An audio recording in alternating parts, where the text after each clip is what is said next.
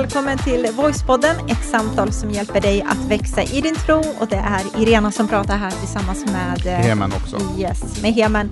Eh, och vi är inne i temat relationer och eh, förra veckan så pratade vi om hur du hanterar destruktiva personer och då hade vi del ett i det, där vi pratade om tre olika principer om hur man gör det. Bland annat så nämnde vi om att man inte ska ta det personligt eh, att man ska vara snabb att förlåta och även också att inte tala illa om den personen som är destruktiv.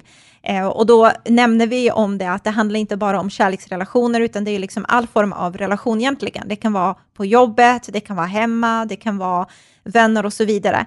Eh, och har du bara hoppat in i det här eh, avsnittet nu och inte lyssnat på, på det förra avsnittet så vill jag att du stoppar nu och går och lyssnar på det, på det förra för att det är jätteviktigt att du får med dig liksom alla de här sex totala principer som vi ska prata om. Exakt. Eh, så vi kastar oss in i ämnet, eller vi fortsätter rättare sagt, mm. i del två nu, som mm. det här är. Eh, och då ska vi utgå ifrån, eller börja med princip nummer fyra. Eh, så yes. Heman, eh, vi börjar redan där. Vad är princip nummer fyra? Mm. Ja, men den här är väldigt stor eh, och, eh, och här kommer vi vara väldigt länge för att den här ger oss lite strategier för att faktiskt eh, skydda oss själva och också ta lite udden av det här destruktiva som den här personen eh, gör mot oss. Och då handlar det om helt enkelt att inte spela deras spel. Mm. Alltså inte spela den här person destruktiva personens eh, spel. Därför att det är så här att den här destruktiva personen vill trigga igång någonting eh, i oss. Den, vill, den, vill, eh, den lever på drama, den lever på eh, argumentation och den personen får också uppmärksamhet genom att vi reagerar på det som den personen mm. gör. Om det nu är nedlåtande grejer eller vad det nu kan vara, så reagerar den på att få vår uppmärksamhet. Mm. Eh, och många gånger har jag sett att vi, i mitt eget liv, att man faller i den här fällan där man tänker typ så här att om jag bara kunde få sitta med den här personen och bara förklara och få den här personen att förstå vilken skada den gör, mm. eh, då skulle den här personen liksom, aha, Nu, nu förstår jag, tack för att du ja. hjälpte mig att se det här. Ja.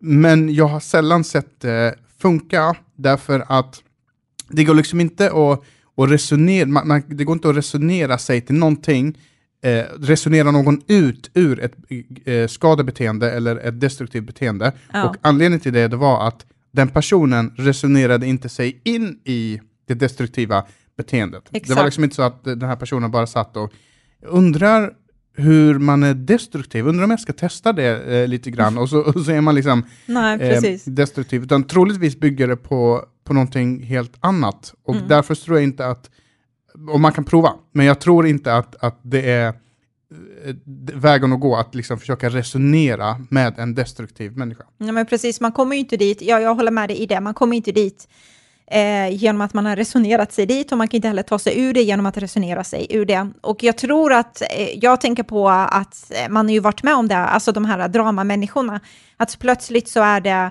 ja, men det är familjeträff eller det är julträff och hela liksom stora släkten är där och så ser man att det alltid finns den här personen som tycker bara, ja, men man trycker på de rätta knapparna för att man vet vad man ska göra för att få igång diskussioner som kan bli väldigt hetsiga och liksom, man vet att de här två parterna tycker inte alls om det här och du startar ju det här med flit för att mm. få igång det här dramat. Mm. Och så lutar man sig tillbaka nästan och tittar på hur spelet körs. Mm. Eh, och är man lite uppmärksam så ser man det där mönstret i liksom det beteendet. Att man kan se det på arbetsplatsen, man kan se det liksom hemma, man kan kanske till och med upptäcka det eh, och sätta ljus på det i sina relationer.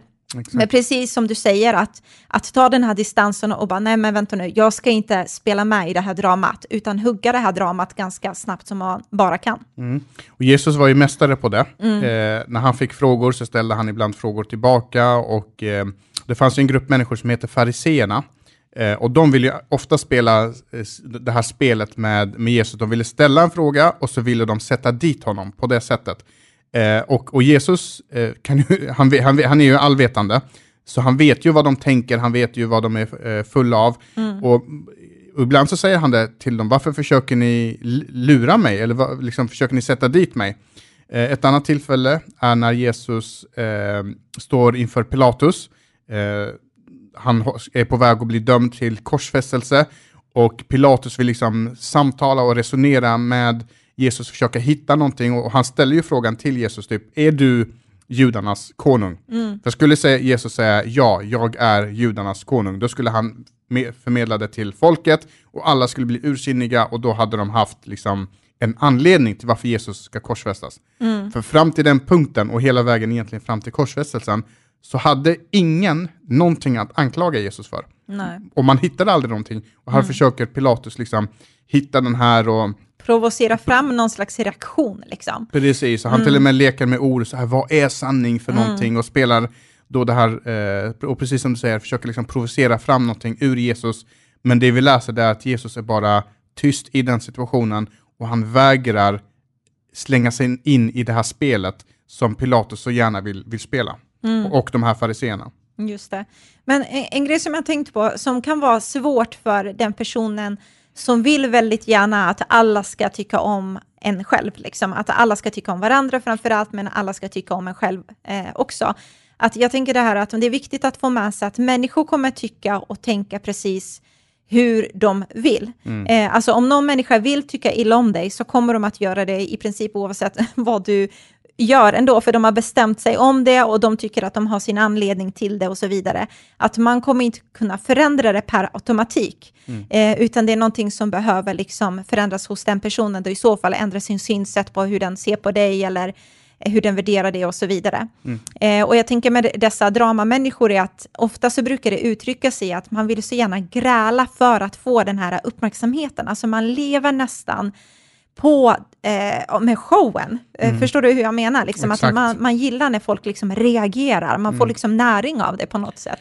Och, och man lever ju på de här erfarenheterna och, eh, och då funkar det så här att om du biter på betet varje gång, Mm. då kommer de komma tillbaka och fortsätta fiska i samma damm. Fortsätta med samma argumentation, fortsätta med samma eh, stil och, och, och- och så vidare. Men om, om du bestämmer dig för att nej men jag tänker inte bita på det här betet, ja då kommer man inte komma tillbaka dit. Mm. Eh, därför att där, det finns ju ingen mer fisk att fiska i eh, den här dammen. Eh, och Ordspråksboken eh, pratar lite om, om det här eh, och ehm, jag ska försöka förklara vad, vad det här betyder, men jag läser det först i Ordspråksboken kapitel 26 och vers 21. Så står det att kol för glöd, ved för eld, en grälmakare för att bråk och kiv ska flamma upp.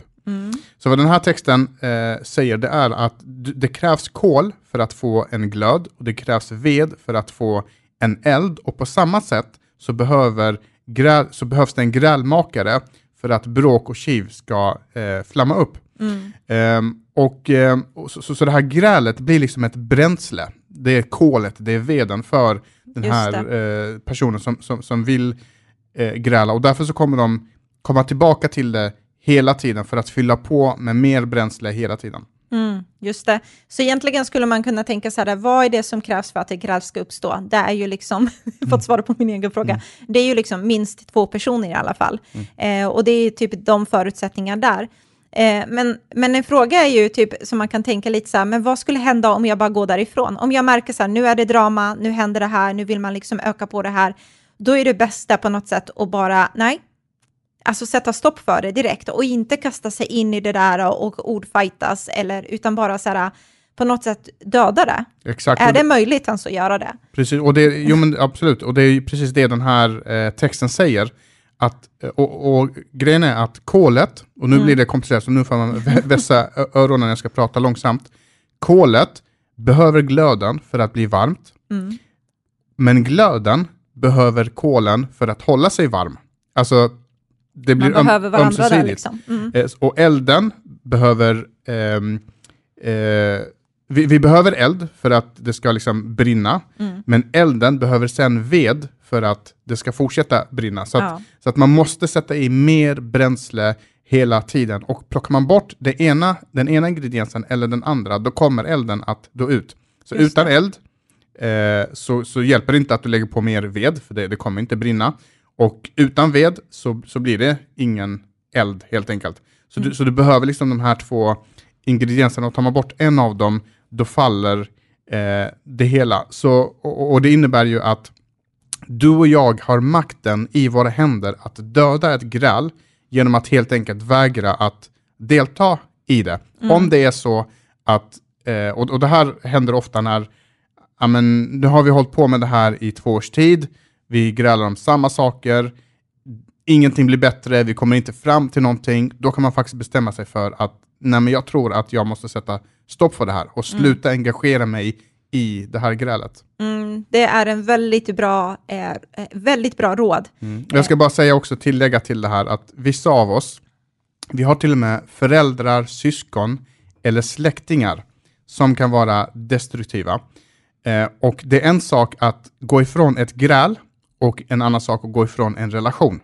Så, det, så, så, så ib- ibland handlar det inte om att du måste klippa banden med dina släktingar eller föräldrar eller syskon, utan helt enkelt om att bestämma dig för att jag tänker inte delta i det här, jag tänker inte låta mig tryckas ner och bara bestämma sig för att aldrig mer. Jag tänker inte delta i det här längre, men ändå fortsätta behålla relationen. Ja, men precis. Det tycker jag är en viktig poäng där, så att man inte bara kapar alla och raderar alla från adressboken.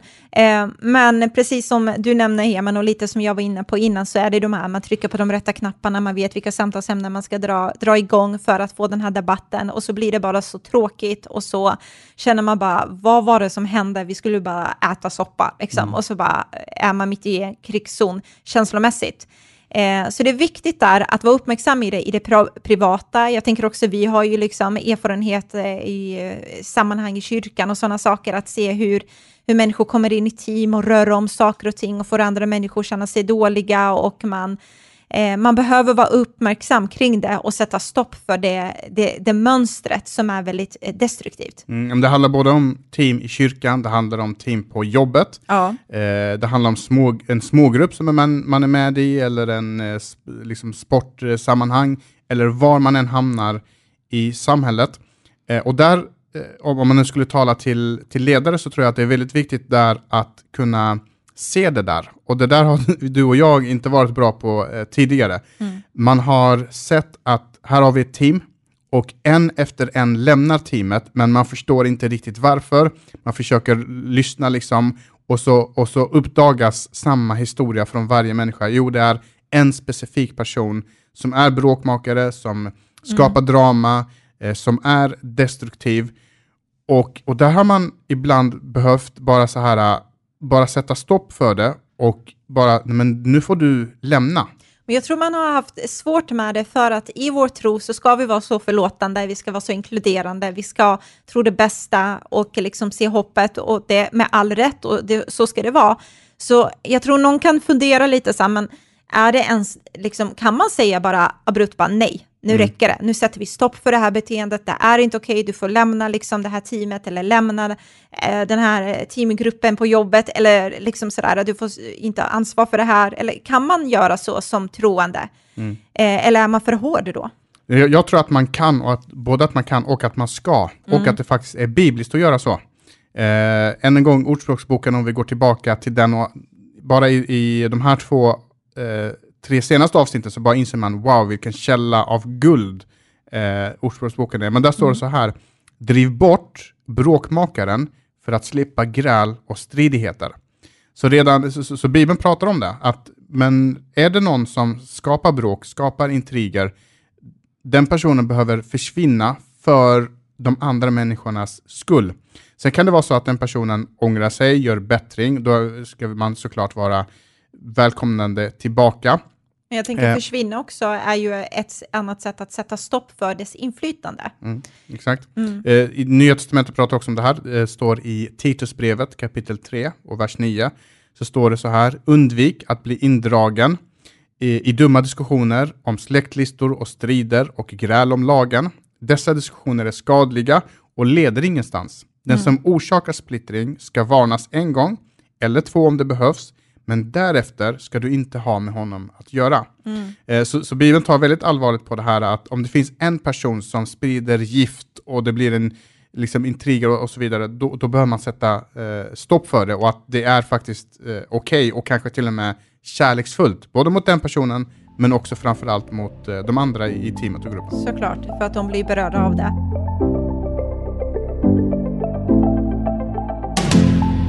Så nu har vi ägnat många minuter kring det här, men det kändes som ett viktigt, liksom, eh, en viktig eh, princip och viktig punkt att, eh, att prata igenom ordentligt. Att inte spela med i det här spelet, eh, dramaspelet. Mm. Men vi kör mot femman, Heman. Mm. Eh, och femman handlar ju om att vägra att kuva sig.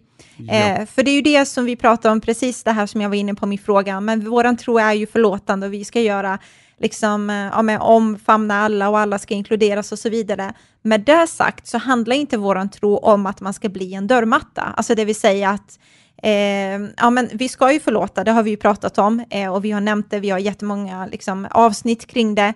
Eh, så man ska förlåta, men man behöver inte bli behandlad som en dörrmatta i att människor kan bara trampa på det hur som helst. Mm. Där så behöver man liksom stå upp för sitt värde och, eh, eh, och, liksom, och se de här signalerna och sätta stopp för det. Precis, och här tror jag att man kan få svårt att få ihop det lite i huvudet. För sa vi inte nyss att man ska, precis som du sa, man ska för, ha, va, eh, förlåta, man ska ha överseende, mm. och nu säger vi att man inte ska kuva sig, utan man ska stå upp liksom och för, för sin rätt och så vidare. Um, och då har jag lärt mig en sak som kan hjälpa, som, som kan hjälpa oss att liksom förstå det här. Och det är att förlåtelse är en sak och tillit är en helt annan sak. Mm. Alltså bara för att jag förlåter någon betyder inte det att jag måste börja lita på den här eh, personen. Eh, och man skulle kunna säga så här också att förlåtelse, det sker omedelbart och det sker av nåd. Mm. Nåd betyder egentligen en gratis gåva som man ger till någon som den personen inte har förtjänat. så jag ger förlåtelse trots att den personen inte förtjänar förlåtelse. Eh, och, och, och den är omedelbar. Så när jag förlåter i det ögonblicket, då är personen förlåten och jag kan släppa det och gå vidare med mitt liv. Mm. Men det är inte samma sak som tillit, för tillit, i motsats till förlåtelse, Tillit tar tid.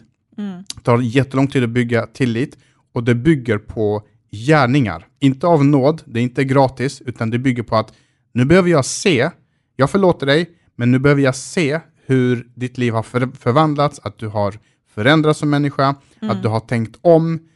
Och när jag får se det, då börjar tilliten växa och då kanske du är välkommen tillbaka in i mitt liv. Ja, men precis. Och det är ju så, man, man brukar ju säga att Eh, tillit är eh, någonting som tar lång tid att bygga upp, men det går väldigt fort att rasera bara på sekunden. Så kan du liksom rasera allt den här tillit som man har byggt upp under flera, flera års tid.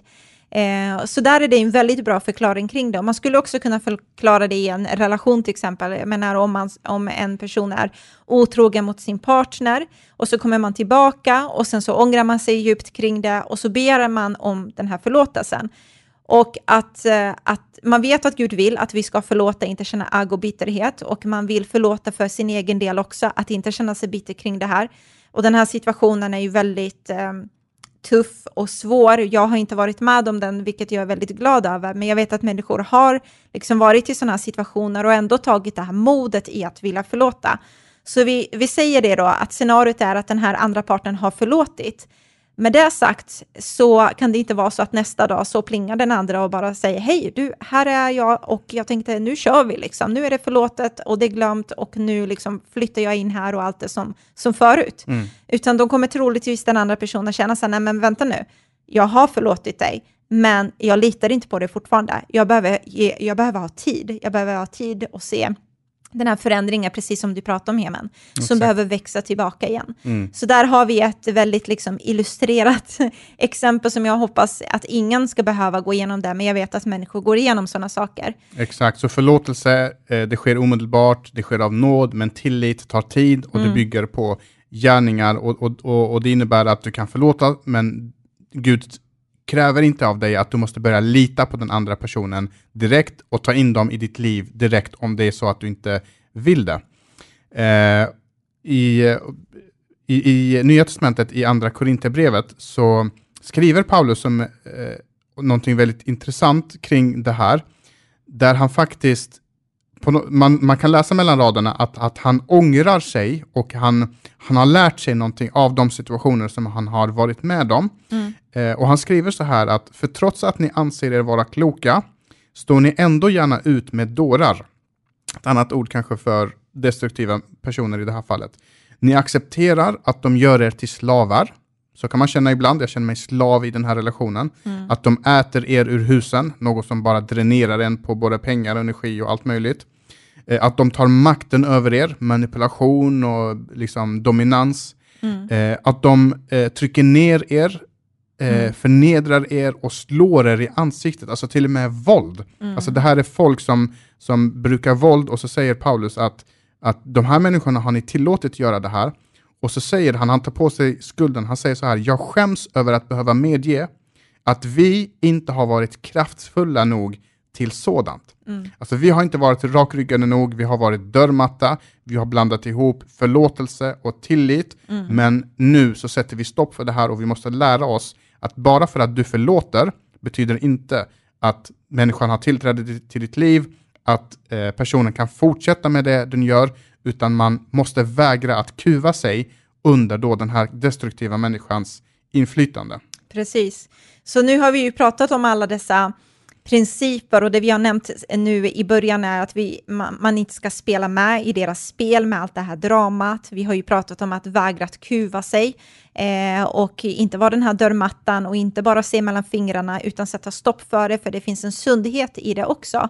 Eh, och så är vi inne i nummer sex, som är det sista då, Heman, eh, för att man ska kunna liksom hantera destruktiva personer. Eh, vad är nummer sex? Ja, och nummer sex ska jag säga, vi nämnde det i förra avsnittet, eh, i, i del ett då i det här, bara påminna om det, att vi sa det att det här blir bara svårare och svårare för Exakt. varje steg man tar. Ja. Och då innebär det att nummer sex är den allra tuffaste och svåraste av dem alla. Och den handlar om att alltid vara den större människan. Att alltid vara den större människan. Alltså att om någon är kärlekslös mot mig så kan jag vara kärleksfull tillbaka. Om någon är taskig mot mig så kan jag vara snäll tillbaka. Om någon är bitter mot mig så kan jag vara förlåtande tillbaka. Än en gång inte vara dörrmatta, men jag kan förlåta. Eh, för att de här sakerna ärar Gud på grund av att de är Kristus lika. Det var precis det som Jesus budskap handlade om, att vara den större eh, personen, att inte löna eh, ont eh, med, med, med ont och så vidare. Eh, och, och, och det ärar Gud. Men som sagt, det är jätte, jättesvårt. Men jag tycker att det är värt att nämna att i alla bråk, i alla tjafs, så kan jag välja att vara den större människan. Absolut, och även också utifrån det så förändras jag väldigt mycket som människa, tänker jag. Alltså att jag väljer att följa Jesus i, i eh, så konkret även i detta. Alltså när jag känner att jag blir miss... Eh, eh, ja, men, på, ma- man behandlar mig liksom felaktigt eller man, man är dömande eller man gör det här, att man väljer sen, jag sätter stopp för det och jag väljer att gå den här vägen. Och den är inte lätt, men jag vet att Gud vill hjälpa oss med sin ande. Och jag tror att han vill ge oss och sätta ljus på situationer så att man ser vad det är som faktiskt händer i rummet. Eh, så att man eh, vet hur man ska ta sig framåt. Exakt, och, och låter det som att vi upprepar oss hela tiden, men även om det här är jättesvårt, eh, så är det så här att du och jag, vi kan inte kontrollera vad andra människor gör mot oss. Nej. Vi kan inte eh, liksom sätta ord på varför någon gör någonting mot oss. Vi kanske har svårt att sätta eh, stopp för det. Vi kan inte kontrollera liksom vår omvärld, men det vi kan kontrollera, det är just det som vi pratar om. Det är hur jag reagerar och hur jag Absolut. väljer att bli som en, som en människa. Att jag kan välja att inte bli bitter, att inte låta en ond rot slå, eh, eh, något ont slå rot i mitt hjärta. Eh, att eh, inte mitt hjärta blir hårt, utan tvärtom, låt ditt hjärta fortsätta vara eh, mjukt. Men om det, om det är någonting som ska bli hårt, då är det din panna. Att man inte kuvar sig, att man står upp för sin rätt och så vidare. Precis. Eh, och, och, och Bibeln pratar ju om, om det här, så det, det här är liksom inte bara en princip som är bra att ha, utan det här är väldigt centralt. Nej men absolut. Och sen, jag tänker det mänskliga är att slå tillbaka hårt mot hårt. Ge tillbaka hämnd. Liksom allt det där är ju det defaultläge som vi människor har. Medan Jesus säger, ja men precis som du säger, att gå den här extra milen, att vara utgivande, att vara förlåtande, att vara den här större människan för att Jesus har gjort någonting i våra liv. Och vi vill ju att det ska märkas också i hur vi behandlar andra människor när vi känner att andra behandlar oss orättvist. Och i Romarbrevet så talas det i kapitel 12, vers 14-21, det här tvärtom egentligen. Mm. Och det är det här, välsigna dem som förföljer er. Man kan ju tycka så här, ge igen. Nej, mm. välsigna dem som förföljer er. Välsigna och förbanna dem inte. Mm. Glädje tillsammans med dem som är glada och gråt med dem som gråter. Behandla alla lika. Anse er inte för fina för att umgås mot dem, eh, mot dem som är ringa och tro inte att ni vet allt. Hämnas inte på den som gör er något ont. Mm. Försök istället att göra gott mot alla människor. Gör allt ni kan för att leva i frid med alla. Det är inte ni som ska utdöma straff, mina kära. Lämna plats åt Guds vrede, för det står skrivet, hämnden är min och jag ska straffa, sig Herren. Nej, om din fiende är hungrig, ge honom något att äta. Om han är törstig, ge honom något att dricka. Och då samlar du glödande kol på hans huvud. Mm. Eh, och så kommer sista versen här som är... Låt inte det onda segra över dig, utan besegra det onda med det goda. Mm. Eh, och det finns en sån djuphet i, i liksom den här sista versen, att eh, när allt annat visar hämnd, hat, våld, ge igen, du ska minsann, du har all rätt, spy ut dig, säg de där orden. Och allt det där, så säger Jesus, var inte dörrmatta, men förlåt, var barmhärtig, var nådefull, sätt stopp för orättvisor, men liksom eh, välsigna istället för att förbanna. Och alla de här sakerna mm. eh, som jag tror definitivt pekar på vem vår Gud är och vad han har gjort i våra liv också. Exakt, och just att det står att eh, låt inte det onda segra över dig, utan besegra det onda med det goda, det vill säga besegra inte det onda med det onda. Exakt. För det skulle man kunna göra. Mm. Men den onda som, med den ondska som du har behandlat mig så tänker jag behandla dig minsann. Mm. Eller så kan vi bara bryta den kedjan Exakt. och så göra, vara mer Jesus lika och, och försöka liksom eh, komma tillbaka med det goda istället. Och som sagt, det här är supertufft, men jag tror att det här är någonting som är superviktigt och superbra. Eh, och då skulle vi kunna avsluta med det här att Irena, vad skulle hända om vi skulle följa de här sex principerna och så skulle vi inte ta det personligt. Vi skulle vara snabba att förlåta. Vi skulle inte tala illa. Vi skulle inte spela deras spel. Vi skulle vägra kuva oss och vi skulle alltid försöka att vara den större människan. Mm. Nej, men det som skulle hända är, dels skulle jag växa som människa, men jag tror också att Gud skulle ha sitt behag över mitt liv. Och det har han ju på grund av nåd och inte för vad jag gör, men också att han ser, okej, okay, du börjar bli mer och mer lik mig i hur du hanterar situationer, hur du ser på andra människor. Och det för med sig en välsignelse. Eh, och, eh, och det är ju ett fantastiskt sätt att leva, liksom, att vara den här som skapar frid, vara en person som skapar eh, kärlek i atmosfären, vara en person som inte vill ha drama, inte vill tala illa, utan att faktiskt ha den här, som Bibeln säger, ett gammalt sätt kanske uttrycka sig med så här, Kristus väldoft, mm. alltså att man Eh, när du kommer in i rummet, när du kommer in i situationer, så lämnar du inte kaos och drama, utan du lämnar frid och ro och ordning och försoning efter dig. Eh, och det här är något vi inte kan göra i vår egen kraft. Än en gång, jag har sagt det många gånger, men jag tror verkligen på det, att Gud kan göra ett verk i oss. Så när vi infinner oss i sådana situationer så får vi visdom och vi får också kraft i att agera som det som mänskligt sätt kan kännas så här, ah, varför gör du det? Men det är Guds sätt och rätt sätt att göra.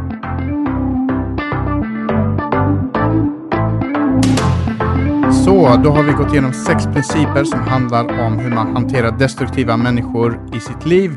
Eh, och jag skulle egentligen vilja avsluta med att eh, om du lyssnar på det här och du befinner dig i en situation som, där, som inte bara är destruktivt, utan eh, rent, rent mentalt så att säga, utan det till och med framkommer våld i relationen, då ska du ta kontakt med någon och jag ber dig av hela mitt hjärta att våga mm. göra det. Eh, det kommer vänta kanske tuffa dagar framför dig, men jag vet att eh, Gud har en plan för ditt liv. Du kan ta dig ur det här, Gud kan ge dig styrka, be till honom kring det, men framför allt välj att prata med någon som du har förtroende för, mm. för att du förtjänar inte detta. Och det här sker inte på grund av någonting som du har gjort, utan det här handlar mer om den andra människan och du kan och, eh, och, och, och, och Gud kan ge dig styrka att ta dig ur det här. Så jag, liksom, från mitt hjärta, gör detta och eh, sätt stopp för det och låt det inte kuvas mer. Mm. Så bra och så viktigt, Heman, att nämna det. Eh, och vi har alla i vår omgivning där man behöver peppa människor mot rätt riktning. Eh, men vi avrundar här, avslutar här som du sa och eh, vi vill bara säga vi återkommer med ett nytt avsnitt eh, och tack för att du lyssnar och hjälp oss att sprida ordet med eh, med att lyssna på podden och följa i alla fall Tro och livsstil-kontot på Instagram mm. eh, så får man lite, lite vardagspepp där också. Så ha en fantastisk vecka så hörs vi. Hej då! Hej då!